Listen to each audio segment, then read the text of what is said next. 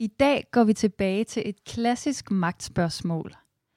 Jeg har lært i skolen, at vi lever i et sekulariseret samfund. At kirken er adskilt fra staten og dermed ikke har nogen formel magt over os borgere. Men holder det?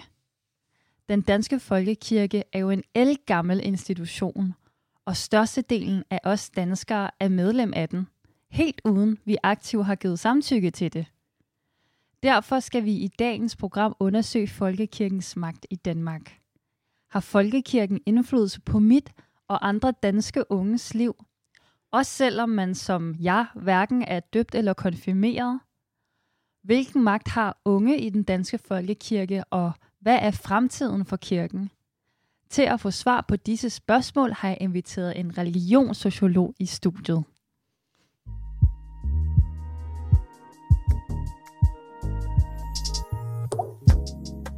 Unge har alt for lidt indflydelse i dagens samfund, i hvert fald hvis du spørger mig.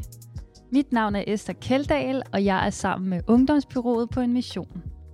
Missionen er at sikre unge mere magt. For jeg ønsker forandring, og det kræver magt. Og derfor vil jeg undersøge begrebet ud fra forskellige vinkler.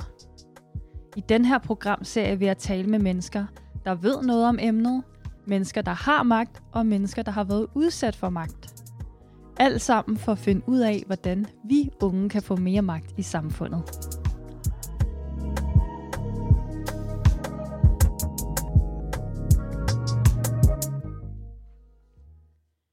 Ja, Esther.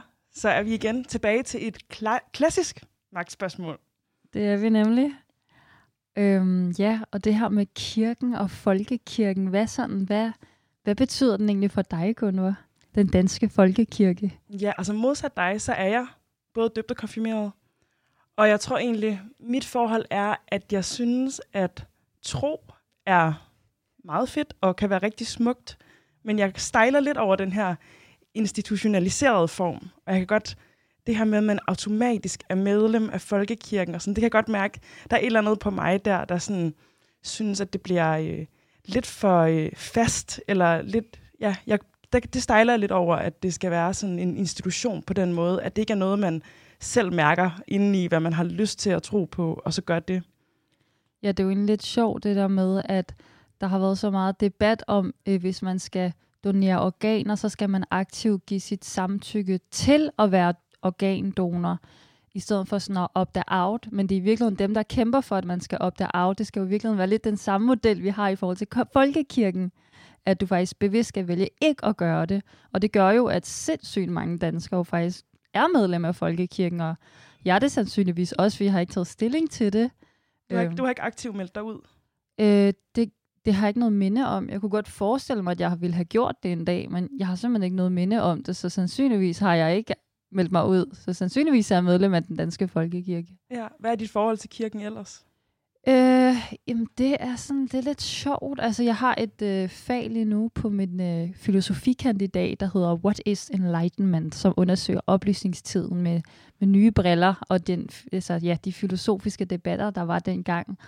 Og der kan man jo, altså der kan jeg jo simpelthen læse, at det har været et kæmpe spørgsmål dengang, øhm, hvorvidt øh, kirkens autoritet også skulle være blandet sammen med statens magt. Og der var blandt andet Spinoza, en øhm, filosof, som boede i Amsterdam, men kom fra øh, Spanien, øh, men faktisk kom fra en jødisk familie, som øh, faktisk argumenterede for, at sådan religion, det skulle ligesom være en, en privat sag, så vi kunne ligesom udøve vores religion hver især, men så skulle staten overhovedet ikke sådan, ja, have noget, som helst skulle have sagt i forhold til det.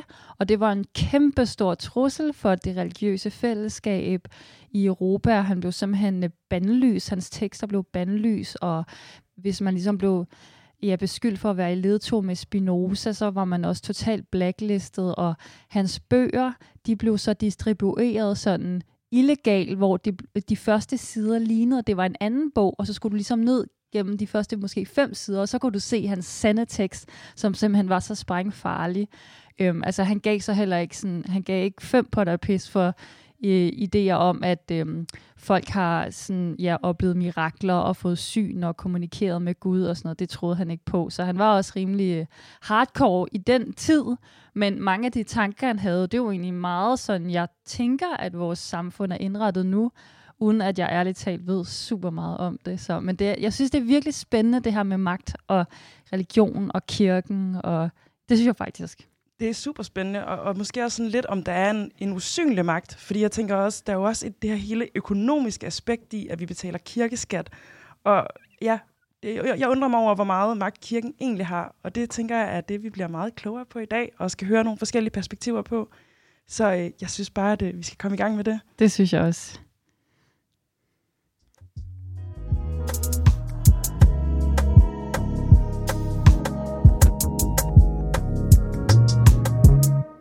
Ja, og nu skal vi byde velkommen til ugens gæst, og det er dig, Brian Arli Jacobsen. Velkommen til. Tak.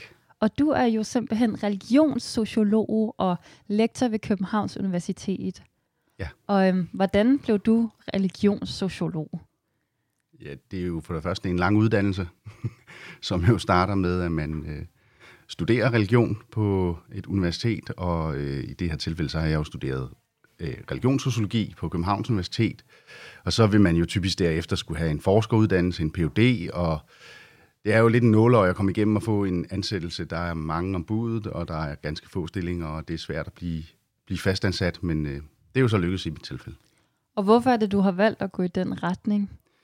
Jamen, øh, det var sådan set heller ikke givet, at jeg skulle læse religion. Jeg var som ung øh, ret politisk aktiv, øh, og mange af mine, mine venner, de studerede jo forskellige samfundsvidenskabelige fag, økonomi og statskundskab og forvaltning på RUG, eller hvad det nu kunne være af den slags. Øh, og det var jeg også ligesom øh, øh, prædestineret til, om jeg må sige.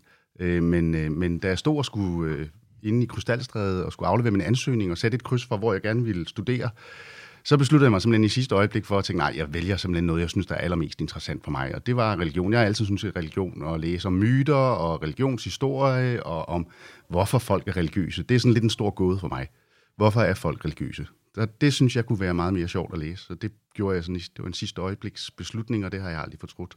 Wow, det er virkelig en skæbnes, et skæbnesvanger øjeblik, da du ja, satte det kryds. Godt råd for studerende, at man skal altid vælge det, man synes er interessant. Det kan jeg skrive under på. Det var heller ikke alle, der synes, det var den lige gode idé, at jeg skulle læse filosofi, Nej. men øh, det er jeg så rigtig glad for, at jeg valgte. Øhm, ja, men som altid i vores program, så starter vi ud med en lille magtstatus. Ja. Så allerførst, Brian Arle Jacobsen, hvad er magt for dig? Jamen, jeg kan jo både komme med et videnskabeligt svar på det, eller et teoretisk svar, men så må sige, ikke? Også, og så kan jeg jo selvfølgelig også komme med et meget konkret svar på, Endelig. hvad det er for mig. Ikke? På den ene side, så er magt jo noget, der er allerstedsnærværende. Noget, der eksisterer imellem os, som en relation mellem os mennesker. Det er noget, der er der hele tiden, i en eller anden form, og øh, en tysk filosof, Jørgen ha- Jürgen Habermas, han har sagt, at der eksisterer, i hvert fald, man kan, man kan i hvert fald arbejde for, ud fra et ideal om, at der skal være et herredømmefrit rum, altså et sted, hvor der ikke er magt til stede. Og det er nok mere en ideal, end det er et, et, et, et, et, et faktisk øh, noget, der foregår derude. Øh, den franske filosof, eller idehistoriker Michel Foucault, han havde jo en idé om magt som noget, der var en relation mellem mennesker, noget, der eksisterede hele tiden. Øh, og på den måde så bliver magt jo nærmest øh, en slags valuta, som man kan besidde mere eller mindre af. og sådan er det jo også med magt, både for mig og for alle andre mennesker, at i forskellige situationer, øh, der har man øh, en eller anden form for magt, som man kan udøve, og det skal man jo selvfølgelig til hver en tid gøre ansvarsfuldt, og det er jo ikke alle, der gør det. Så magt, det er til stede, og det er jo for eksempel til stede i en undervisningssituation. Når jeg underviser mine studerende, så har jeg jo en eller anden form for, for autoritet, som jeg jo øh, skal bruge på en ansvarlig måde. Øhm, men de studerende kan jo også godt være magtfulde. Altså, de kan være magtfulde i både deres evalueringer af, den, af underviseren, men de kan jo også være magtfulde i, i, øh, i en kritik i undervisningen eller på andre måder. Øh, med aktivisme på universiteterne, det ser vi jo også en hel del af i de her år. Øh, så, så det er jo ikke, fordi studerende er uden magt øh, i den relation. Øh, så det er jo sådan et meget konkret sted, hvor jeg udøver min magt, og så vil jeg jo selvfølgelig også være magtfuld i andre hensener. Øh, dels som borger, har man jo en eller anden form for magt, om ikke andet, når man skal stemme, øh, men også til at kunne sige noget i forskellige situationer. Det er jo klart, at sådan en, en øh, humanistisk øh, forsker som mig har jo ret meget med ord at gøre, og det, den øh, politikens hedengangne redaktør, Tør Seidenfarten, han sagde det jo øh, rigtig godt, at ordmagt, det er sådan en potentiel øh, eller latent magt, der hele tiden eksisterer derude, men den kun faktisk bliver aktiveret, når det er, at mennesker med politisk, øh, økonomisk eller, eller lovgivningsmæssig magt, de, øh, de øh, anvender den her ordmagt. Øh, og ordmagt, det er jo selvfølgelig noget, som både journalister besidder, men også så nogen som os, der jo også skriver og siger en hel del øh, i det offentlige rum. Okay, så alle mennesker har ligesom, alle der ligesom har talekraft, de har en potentiel ordmagt, men det er kun, hvis du har en, bestemt position, at den faktisk har en eller anden sådan forandrende kraft, eller ja. sådan kontrollerende kraft. Det kan jo, jeg kan jo godt som forsker have en øh, forskningsbaseret kritik af en lovgivning eksempelvis. Det kan være noget inden for religionsområdet. Men den bliver jo kun, øh, den magt bliver jo kun aktiveret, om jeg så må sige, hvis der er nogle lovgivere, der griber den og siger, at jamen, det, det er korrekt, der er nogle uhensigtsmæssigheder omkring den her lov, som vi skal gøre noget ved. Okay, så magt er alle steds nærværende, det og det er en valuta, som vi har mere eller mindre ja. af. Ja. Øhm, og, ja. Men der er også en institution, der er med til at, at holde, den, holde den i live på en eller anden måde, eller holde bestemte typer magt i live. Ja, og institutioner kan jo sagtens være med til at øh, give magt til de mennesker, der er en del af den her institution. Ikke? Det kan vi jo komme til at snakke lidt senere om i forhold til folkekirken, men også i uddannelsessystemet er det jo det samme. Jeg får jo tildelt en magt i kraft af, at jeg underviser. Mm. Dermed får jeg jo automatisk en autoritet øh, til at kunne sige noget. Øh, det er klart, at den autoritet, autoritet, jeg har som underviser, den er jo givet mig i kraft af, at jeg har vist nogle ting undervejs i mit studie, i min ansættelse, og der har jo, det er jo en lang ansættelsesprocedure, om jeg så må sige, ikke? hvor man skal vise en masse ting. Ja, og der er også mange magtkampe på universitetet, det er der har bestemt. jeg hørt. Det er der. Øhm, men øh, er det så, du som underviser, at du føler dig allermest magtfuld? Jeg tror ikke, man går og tænker så meget over, om man er magtfuld, men jeg tror, det er en rigtig, jeg tror, det er meget sundt, at man reflekterer lidt over, hvordan man virker som underviser, og der spiller magt jo også en rolle. At man har et ansvar, øh, et ansvar for, at de her studerende, de kommer igennem et forløb og får tilegnet sig en viden på en måde, der kan være produktiv for dem. Hvornår føler du så, at du ikke har magt? Det kan jo være, hvis eksempelvis lovgiver øh, lovgiver om et område, hvor jeg er øh, voldsomt uenig. Det kunne jo eksempelvis være de nylige diskussioner om regionalisering, øh, hvor man har ønsket at skære ned på visse uddannelsesområder for at øh, flytte nogle uddannelser ud i rundt omkring i landet. Ikke? Ja, og det, det havde vi et helt øh, afsnit om, hvor vi ja. unders, øh, interviewede Elisabeth, ja. øh, som er aktiv i studenteroprøret. Ja, og det er jo et rigtig godt eksempel på, at man så føler sig magt, magtesløs, fordi at man faktisk øh, får presset nogle beslutninger ned over hovedet fra lovgivernes side, som man er meget uenig i. Altså, ja, så det der med, at der skal skæres eksempelvis på universiteterne, for at de kan bruge nogle ressourcer nogle andre steder. Det giver rigtig god mening. Øhm, ja, lad os egentlig bare gå videre til, mm. til, til interviewet. Øh, det var spændende også at få en, øh, en sociologs øh, syn på magt. Det var meget, ja, med alle mulige referencer og sådan noget. Det var meget givende. Men øh, allerførst skal vi lige have en fakta-speak.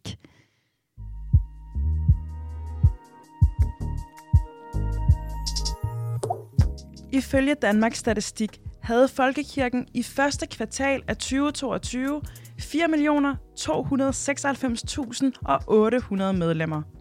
Det svarer til 73,16 procent af den danske befolkning. For 10 år siden, i 2012's første kvartal, der var det her tal 79,8 procent.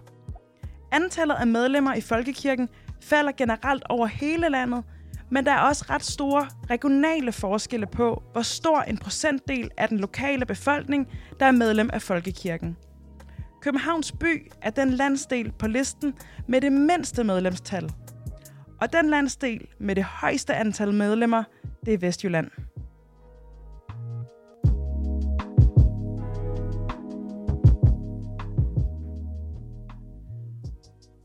Wow, det, det er godt nok vildt, at det er over 4 millioner danskere, der er medlem af Folkekirken. Men øhm, lad os simpelthen lige starte ud med, hvad er den danske folkekirke?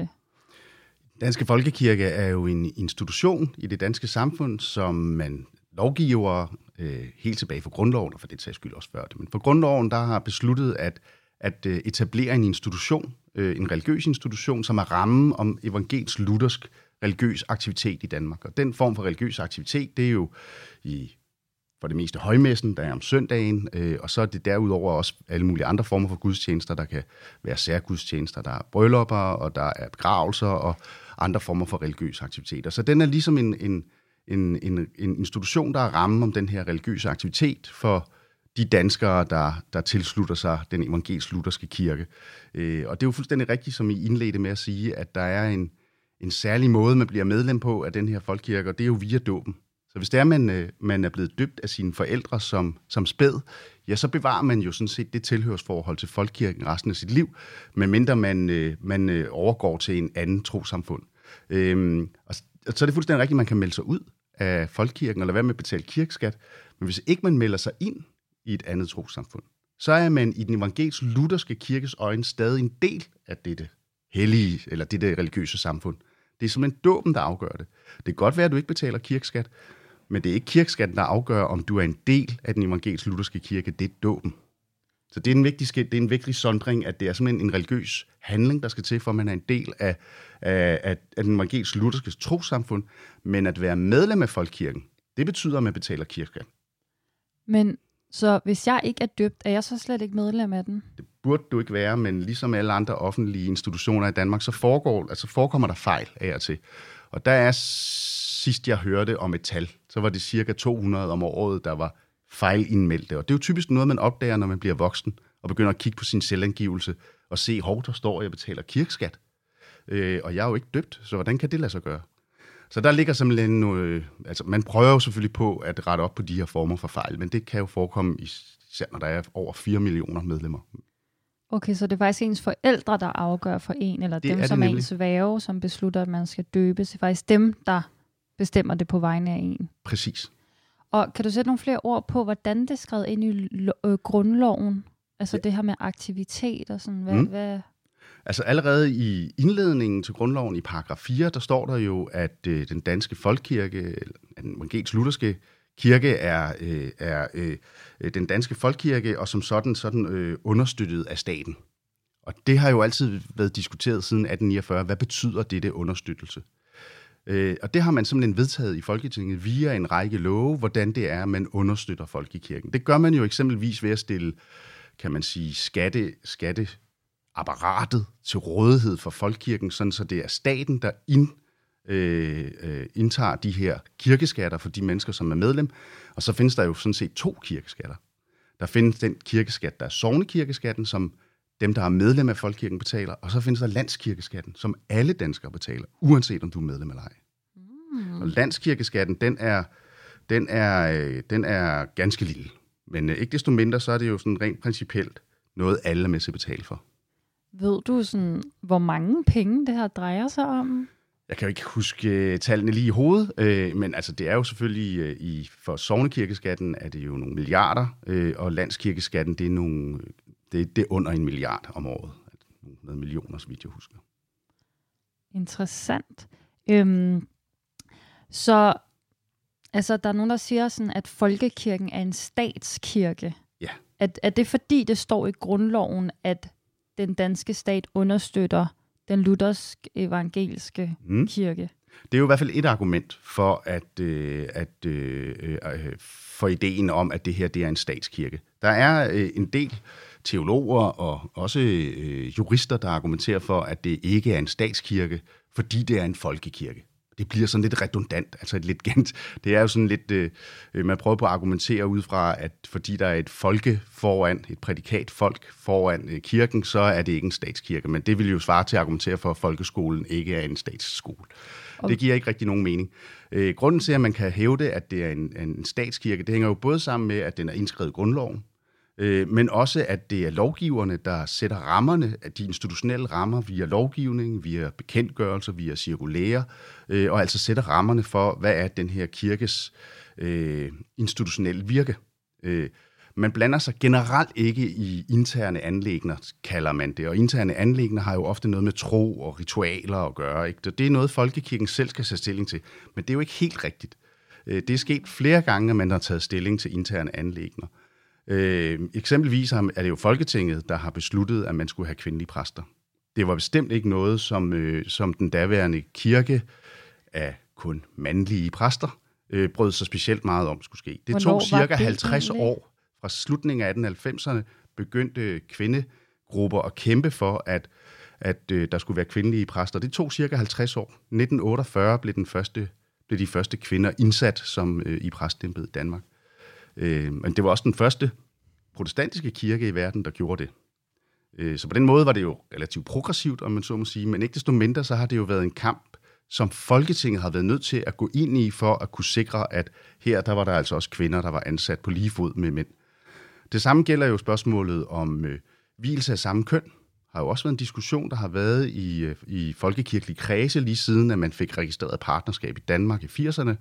Øhm, og det var jo også Folketinget, der måtte gå ind og vedtage en lov om, at det skulle altså være muligt med øh, hvilelse af samme køn øh, i Folkekirken også i 2012, og det skabte jo en meget stor diskussion, øh, både internt i Folkekirken, men også i det danske samfund som sådan. Så derfor så blander Folketinget så også i interne anlægner. Og herudover så er der jo også, kan man jo også se det på, at øh, noget så simpelt som at præster, de er jo ansat under en statslig overenskomst, øh, og så videre. Ikke? Så det vil sige, de er jo statsligt ansatte. Okay, det er ret interessant. Så der er ligesom sådan nogle, i princippet nogle skillelinjer, og, øh, men, men i, sådan, i realiteten, så er det faktisk ret, så det er ikke fuldstændig adskilt. Nej. På en eller anden måde tænker jeg også, i og med, at sådan, den danske stat ud, laver den serviceydelse for folkekirken og varetager alt muligt med skatteind, skatteinddragelse mm. og sådan noget, at det på en eller anden måde også er lidt fair, mm. at den også har noget sådan et, den skat ikke skal gå til sådan super diskriminerende praksiser. Ja, og det har jo ofte været argumentet, at, øh, at øh, den her service, som kirken giver til gengæld øh, til staten, ud over den religiøse service, som den giver til sine medlemmer, det er, at den øh, står for navneregistrering af, af nyfødte, øh, øh, og for den sags skyld også for de mennesker, der øh, dør, står den også for registrering af. Og det hele den her øh, registrering af mennesker, det er sådan en, en, en service, som kirken giver til gengæld for, at staten den jo så for eksempel står for, for at inddrage, inddrive øh, øh, kirkeskat øh, og andre ting. Okay, så man kunne forestille sig, at dem inden fra kirken, som var imod, at staten gik ind og bestemte de her mm. indholdsmæssige ting, altså blandt andet, at man kan have kvindelige præster, øhm, at de så vil sige, jamen vi laver allerede den serviceydelse for jer, som er at registrere mm. folks navne, så stop med at blande jer i ja. vores business. Det kunne være et argument, man kunne høre. Og ud over det her med navneregistrering, hvordan ser man egentlig ellers kirkens, altså for det er jo også en, en magt, kan man sige, kirken mm. øh, udøver over alle os øh, danske borgere, men hvordan ser man ellers kirkens magt ude i samfundet? Øh, det ser man jo på mange forskellige måder. Øh, dels så er folkekirken jo sådan set også indskrevet i folkeskoleloven, øh, i øh, paragraf om, øh, at der skal gives mulighed for konfirmationsforberedelse i 7. eller 8. klasse. Øh, og det er ikke alle kommuner, der giver, øh, der har lavet en aftale med, med den lokale, øh, med det lokale provsti, er det typisk om, at man sætter nogle timer til rådighed skemaet, hvor det er, at man kan gå til konfirmationsforberedelse. Øh, hvis man er vokset op i København, Frederiksberg og Gladsaxe og den slags kommuner, så vil man opleve, at man, det er efter skoletid, at man går til konfirmationsforberedelse. Jeg kunne forstå, at du er blevet konfirmeret. Hvorhen er det foregået? det er på Sydfyn, ja, så, så det er Vesterskærninge Sogn. Så det er garanteret været i skoletiden? Fuldstændig, ja. og det var den mest, øh, mest kedelige konfirmationsforberedelse ja. nogensinde. Vi lavede vidderligt ikke andet end at læse op af Bibelen. Så jeg er også lidt overrasket over, at jeg egentlig endte med at blive konfirmeret. Ja. Men det er jo sådan en fortælling, vi hører fra rigtig mange øh, unge, at de har oplevet, at, at øh, konfirmationsforberedelsen den er foregået i skoletiden. Og det er jo simpelthen øh, folkeskoleloven, der giver mulighed for det.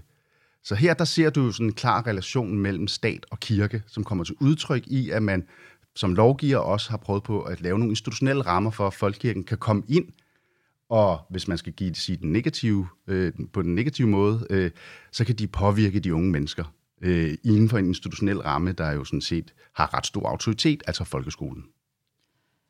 Vil du sige, at, at folkekirken for eksempel gennem det her konfirmationsforberedelse i øh, folkeskolen, har en magt over øh, danske unge?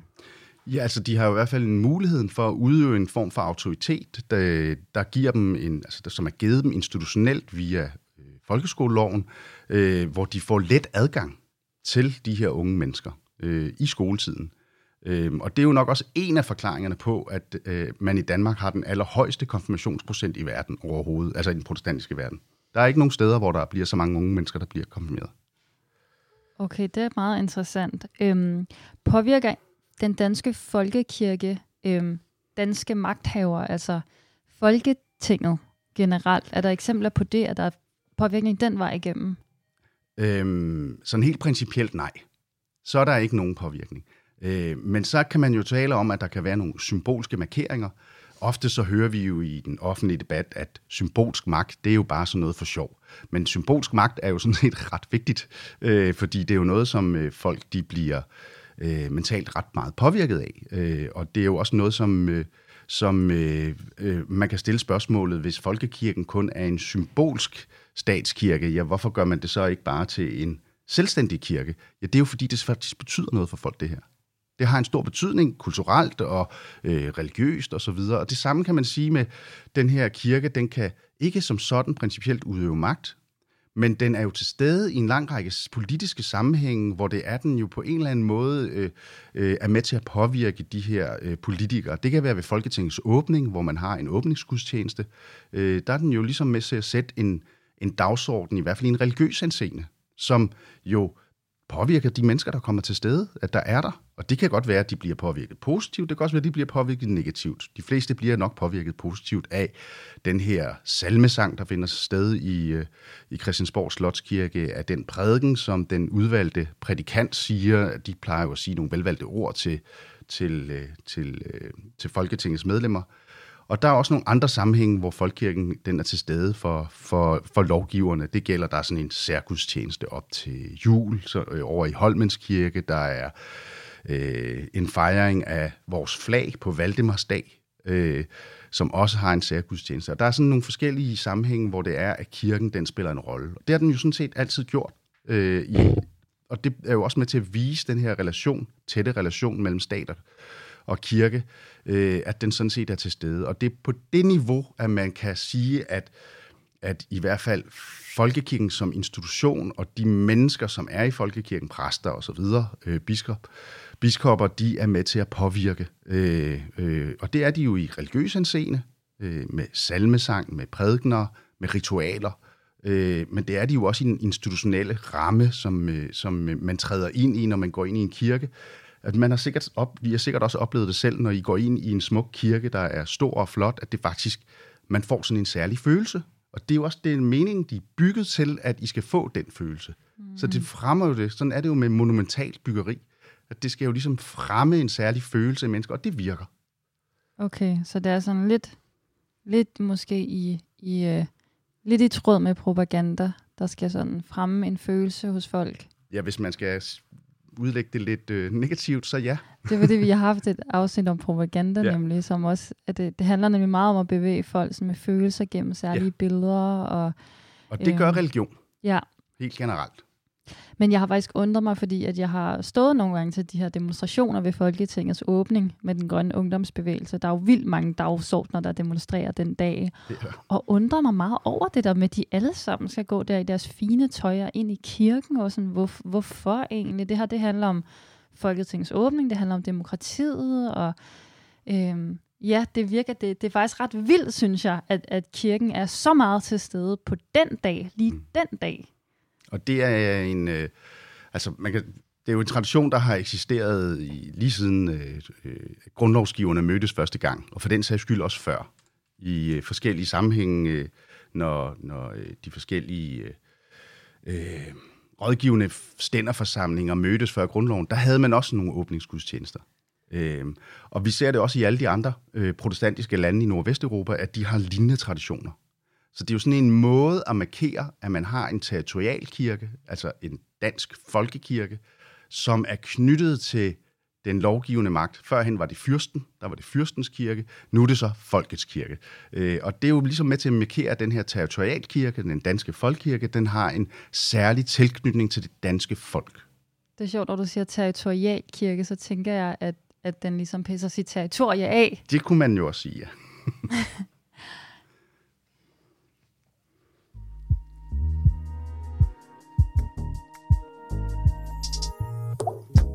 Folkekirkens medlemmer betaler hvert år flere tusind kroner i medlemskontingent. De lader deres børn døbe og skal selv begraves fra kirken. Alligevel er det ikke engang halvdelen af medlemmerne, der kan svare ja til den nok mest basale del af folkekirkens grundlag, nemlig troen på Gud. Det viser en rundspørg fra 2019, som Analyseinstituttet YouGo har foretaget for Kristelig Dagblad. Her svarer kun 43 procent af dem, der er medlem af Folkekirken, ja til spørgsmålet, om de tror på Gud.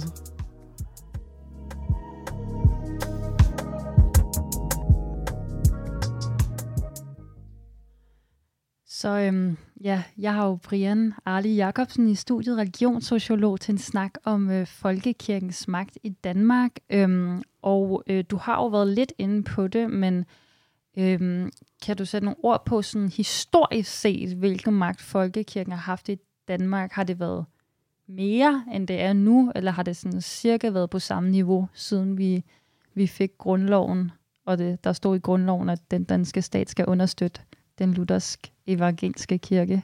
Ja, altså det er jo svært at måle den her form for magt. Ikke? Altså, fordi det vil jo på den ene side forudsætte, at vi gik ud og spurgte befolkningen, øh, er folkekirken betydningsfuld for dig? Gør den noget for dig? Øh, øh, udøver den magt over dig på forskellige vis? Og, så videre. og det har vi jo ikke gjort i hverken 1849 eller i 1920 eller i 1950 for den sags skyld. Det er jo først inden for de seneste årtier, vi begyndt at sociologisk undersøge, hvilken betydning en institution som eksempelvis Folkekirken den har for den almindelige borger. Øh, vi kan undersøge, hvordan det er, at folkekirkens øh, relation har udviklet sig lovgivningsmæssigt fra 1849 frem til i dag. Og der kan man i hvert fald sige, at der er sket en form for sekularisering. Forstået på den måde, at, at der er flere og flere lovgivningsområder, flere og flere institutionelle områder i Danmark, hvor folkekirken tidligere har haft indflydelse, hvor de har mindre og mindre indflydelse.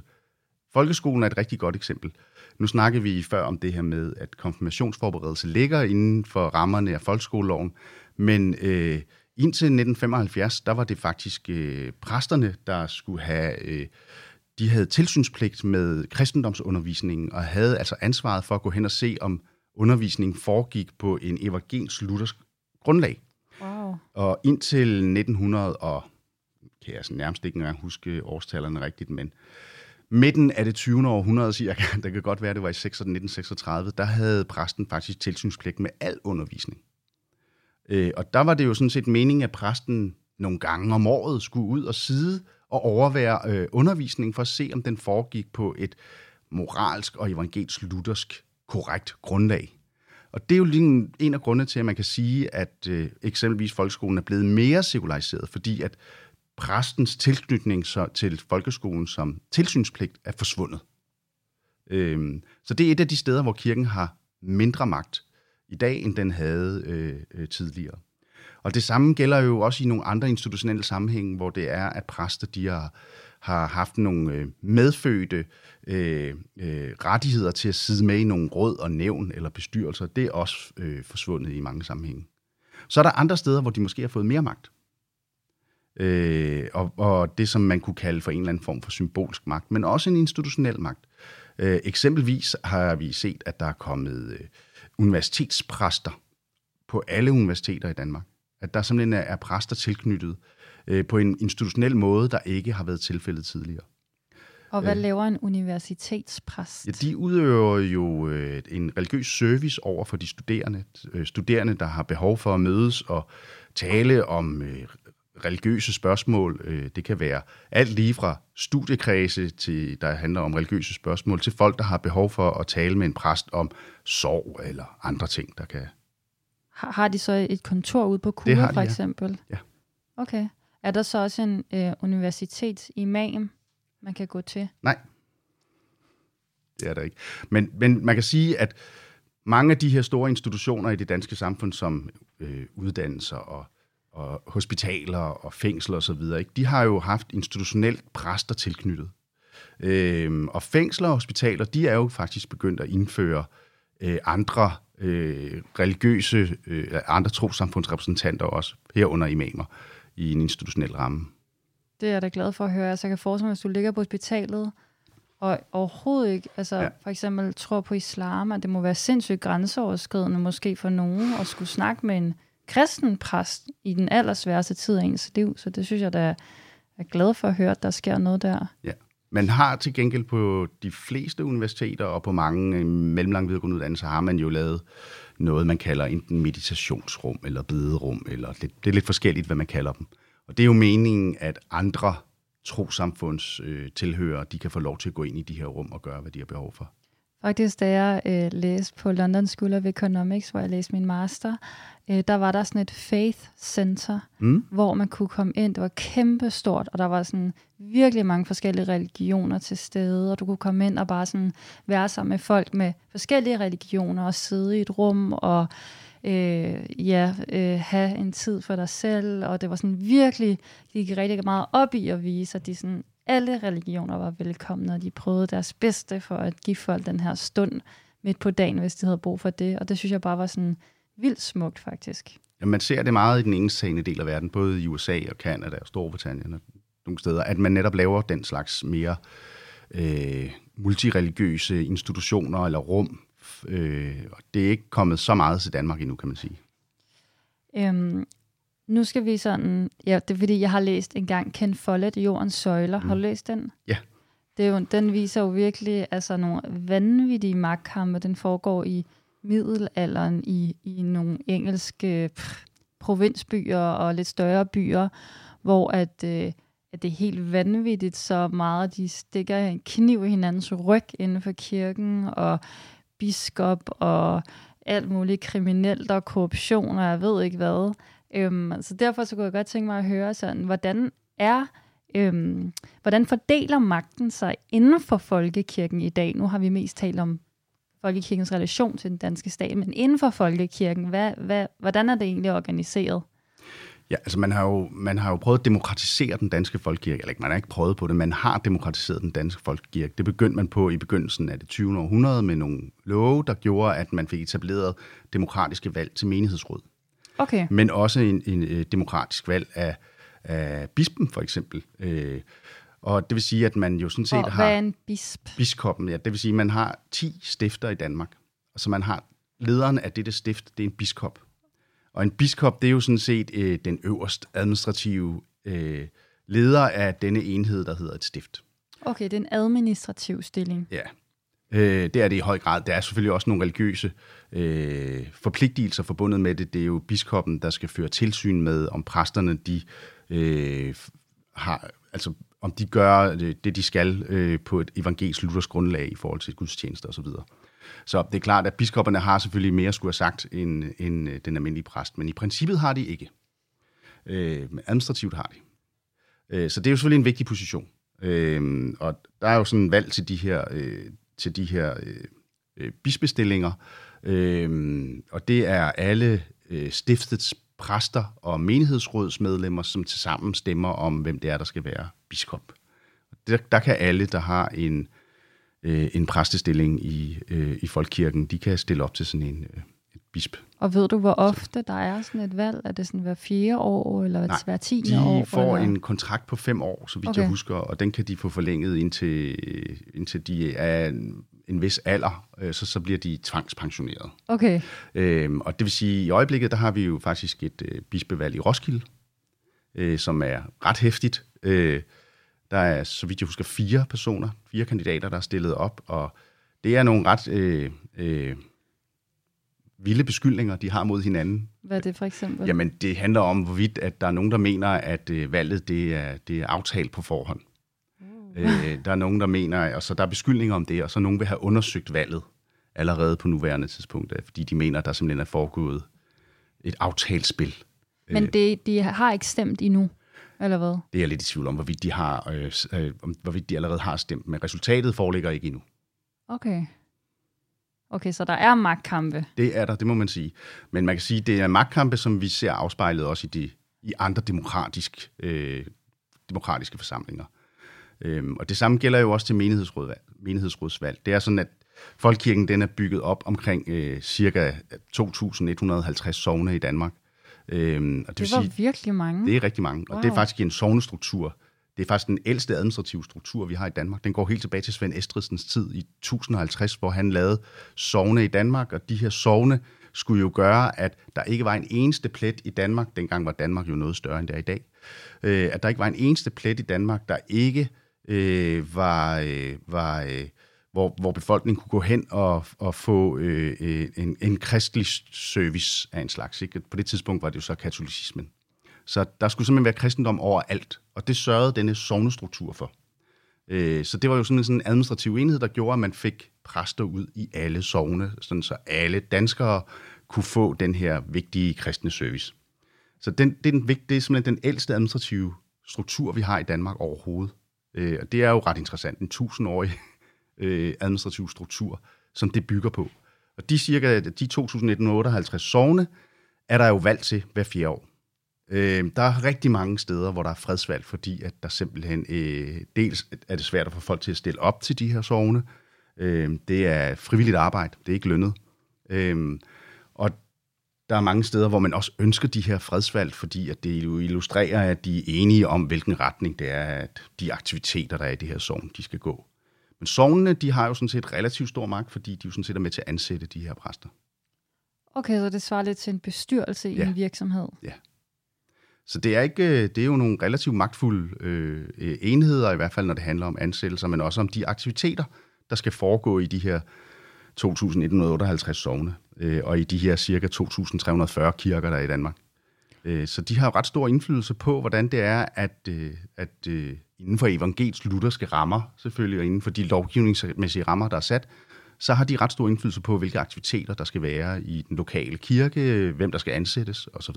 Øhm, er det så også, hvis I er utilfreds med pressen, kan de så også afsætte den? Nej, det er kun øh, i princippet biskoppen eller kirkeministeriet, der kan gøre det. Okay, så, okay, så de kan ligesom få folk ind, men de kan ikke få folk ud igen? Nej. Og det er faktisk, øh, og der berører du sådan set en, et, af, et, et af de konfliktpotentialer, der er i folkekirken. Og det er nogle af de konflikter, man ser rundt omkring i sovne. Det er jo netop, når det er, at, at øh, sovnerådet og en præst, de ikke kan enes. Det kan være om teologiske spørgsmål, men det kan jo også være om nogle af de aktiviteter, der skal være i kirken, eller helt banale personlige spørgsmål. Øh, så er det, det går helt galt. Altså, og hvordan løser man det? Fordi at man kan ikke, man kan ikke fyre nogen af dem. Eller præsten kan man i princippet godt fyre, men sovnerådet kan du ikke fyre. Det er jo demokratisk valgt. Ja.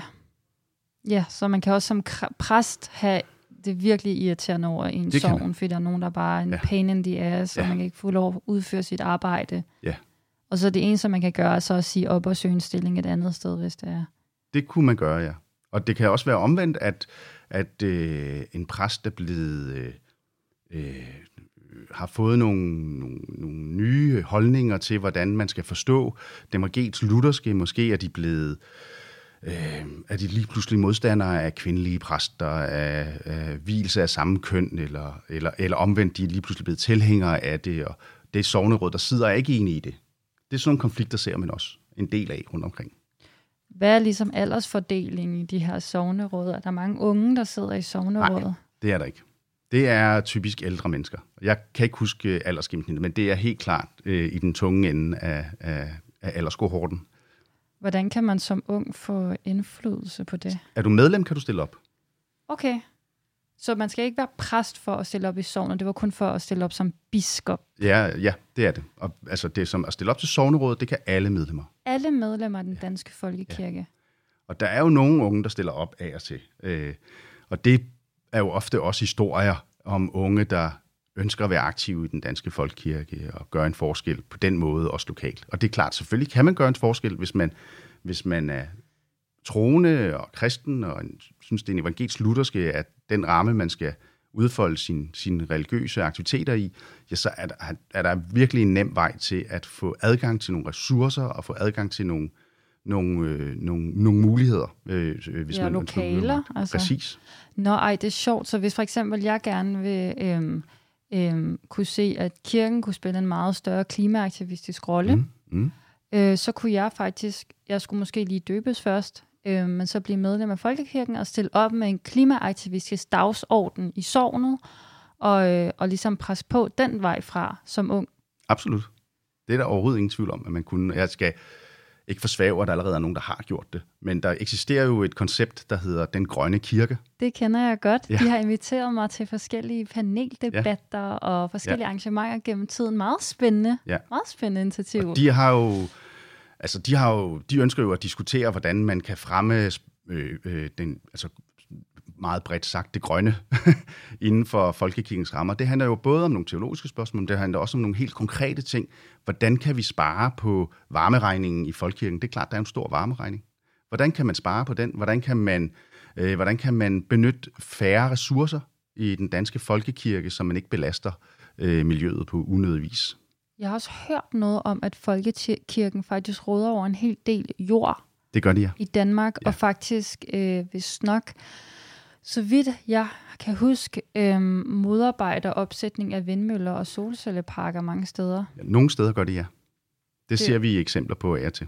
Det er jo virkelig også en kamp, man kan kæmpe som ung eller som klimabevidst voksen. En af de mm. 4,2 millioner mm. danskere, der er med og kæmpe for at ændre det i de enkelte sovne, fordi at vi skal jo virkelig finde alt, hvad vi overhovedet kan, og finde adgang til institutioner, der råder over jord, hvor der kan sættes øh, vedvarende energi op. Så mm. Øhm, ja, spændende. Og det siger jo sig selv, at hvis man har 2.340 kirkerum, store bygninger, så kan du jo sådan set gøre en lille, altså i hvert fald en vis indsats i forhold til at spare på ressourcer. Ja, og mødes de her sovne med hinanden og udveksler erfaringer? Ja, det gør de. De mødes i, de har menighedsrådenes landsforening, øh, kalder det, har de sådan en forening, hvor de jo mødes i forskellige sammenhænge og diskuterer forskellige spørgsmål. Og de har også mødtes for at snakke om det her. Den grønne kirke er jo ligesom blevet, kan man sige, en gruppe eller en forening i foreningen, øh, som jo også mødes og diskuterer, hvordan de kan fremme den grønne omstilling på forskellige måder.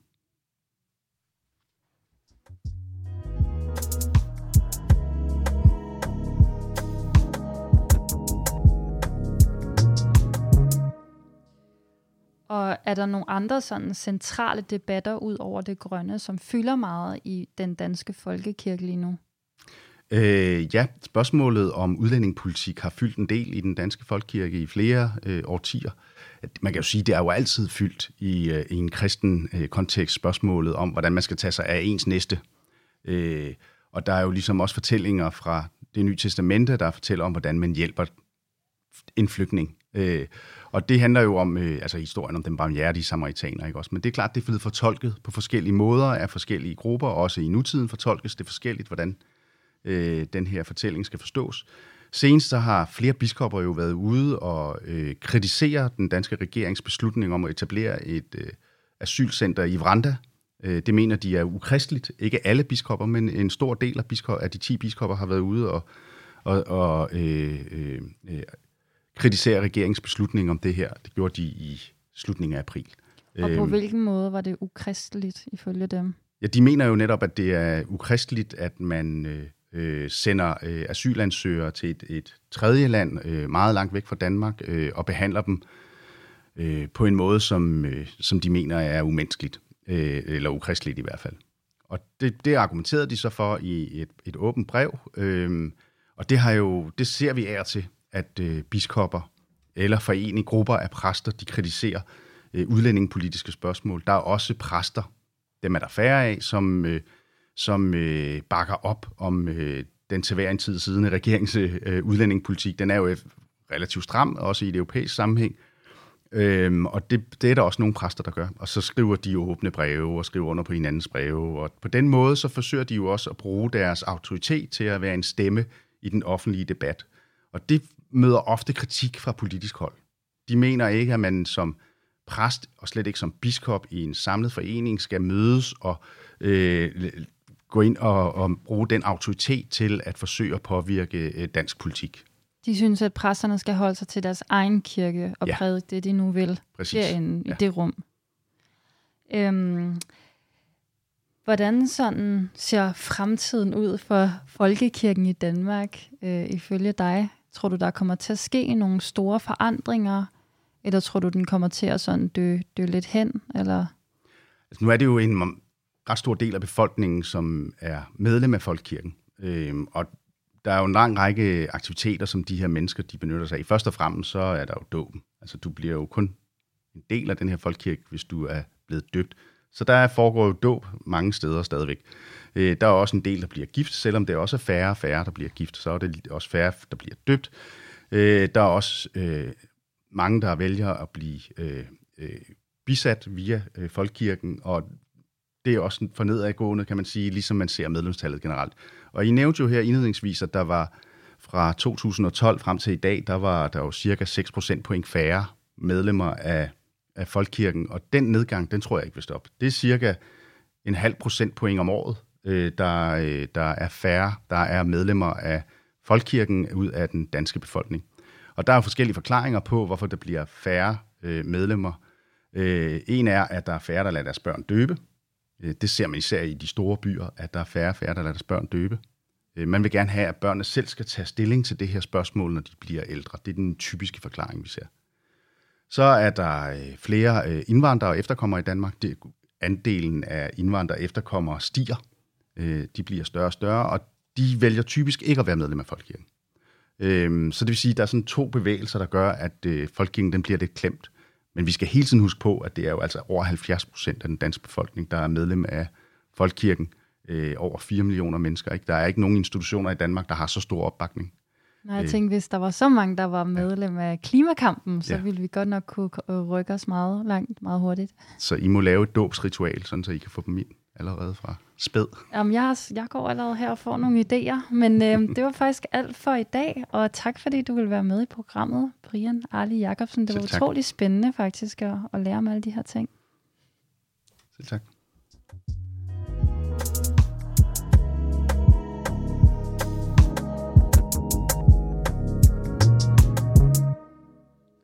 Det har været en fornøjelse at være med herovre på sidelinjen. Jeg synes simpelthen, det har været så sjovt. Det var lige, lige til at starte med, da jeg lige hørte, at uh, Habermas og Foucault blev smidt på bordet, så tænkte jeg, åh oh nej, er de her to fagfælder, der skal stå og diskutere religion? Men uh, I, I, I var, jeg var med hele vejen. I var, I var gode til at, at tale på det, og det blev slet ikke så filosofisk, som jeg kunne frygte. Til gengæld så er jeg rigtig glad for, at du fik lidt drama. At lige, jeg kan huske også i redaktionen, da du begyndte at tale om jordens søjler, så tænkte jeg sådan, ej Esther, sådan er det jo ikke. Men det er alligevel, så dukkede det lidt op, og der er, der er lidt drama i den danske folkekirke. Der er drama i Roskilde lige nu. Det er, det er da lidt spændende. Ja, det er super spændende. Ja, altså jeg er i hvert fald ret sådan, jeg er faktisk ret overrasket over det der med, at alle, der er medlemmer, kan stille op i et sovn. Det synes jeg faktisk er vigtig information. Øhm, ja, det er ligesom, at man kan komme til foretræde i regionerne, som jeg lærte, da jeg interviewede øhm, Grete Olivia, der var med i regionsrådet. Sådan, der, der er så mange små steder, vi kan hacke systemet, hvis vi vil lave forandringer, og så stor og så rig og så bygningsrig en institution som den danske folkekirke, der er i hvert fald potentiale for at, øh, at øh, ja, gøre den lidt mere spændende, kunne jeg forestille mig, hvis man vil det. Ja, apropos ungdomsmagt, så det er jo godt, at vi lige fik den her lille indgang til, hvordan at øh, vi unge rent faktisk godt kan have indflydelse på den her store institution, som Folkekirken er i Danmark. Så det, det synes jeg var en god afslutning på det. Helt bestemt.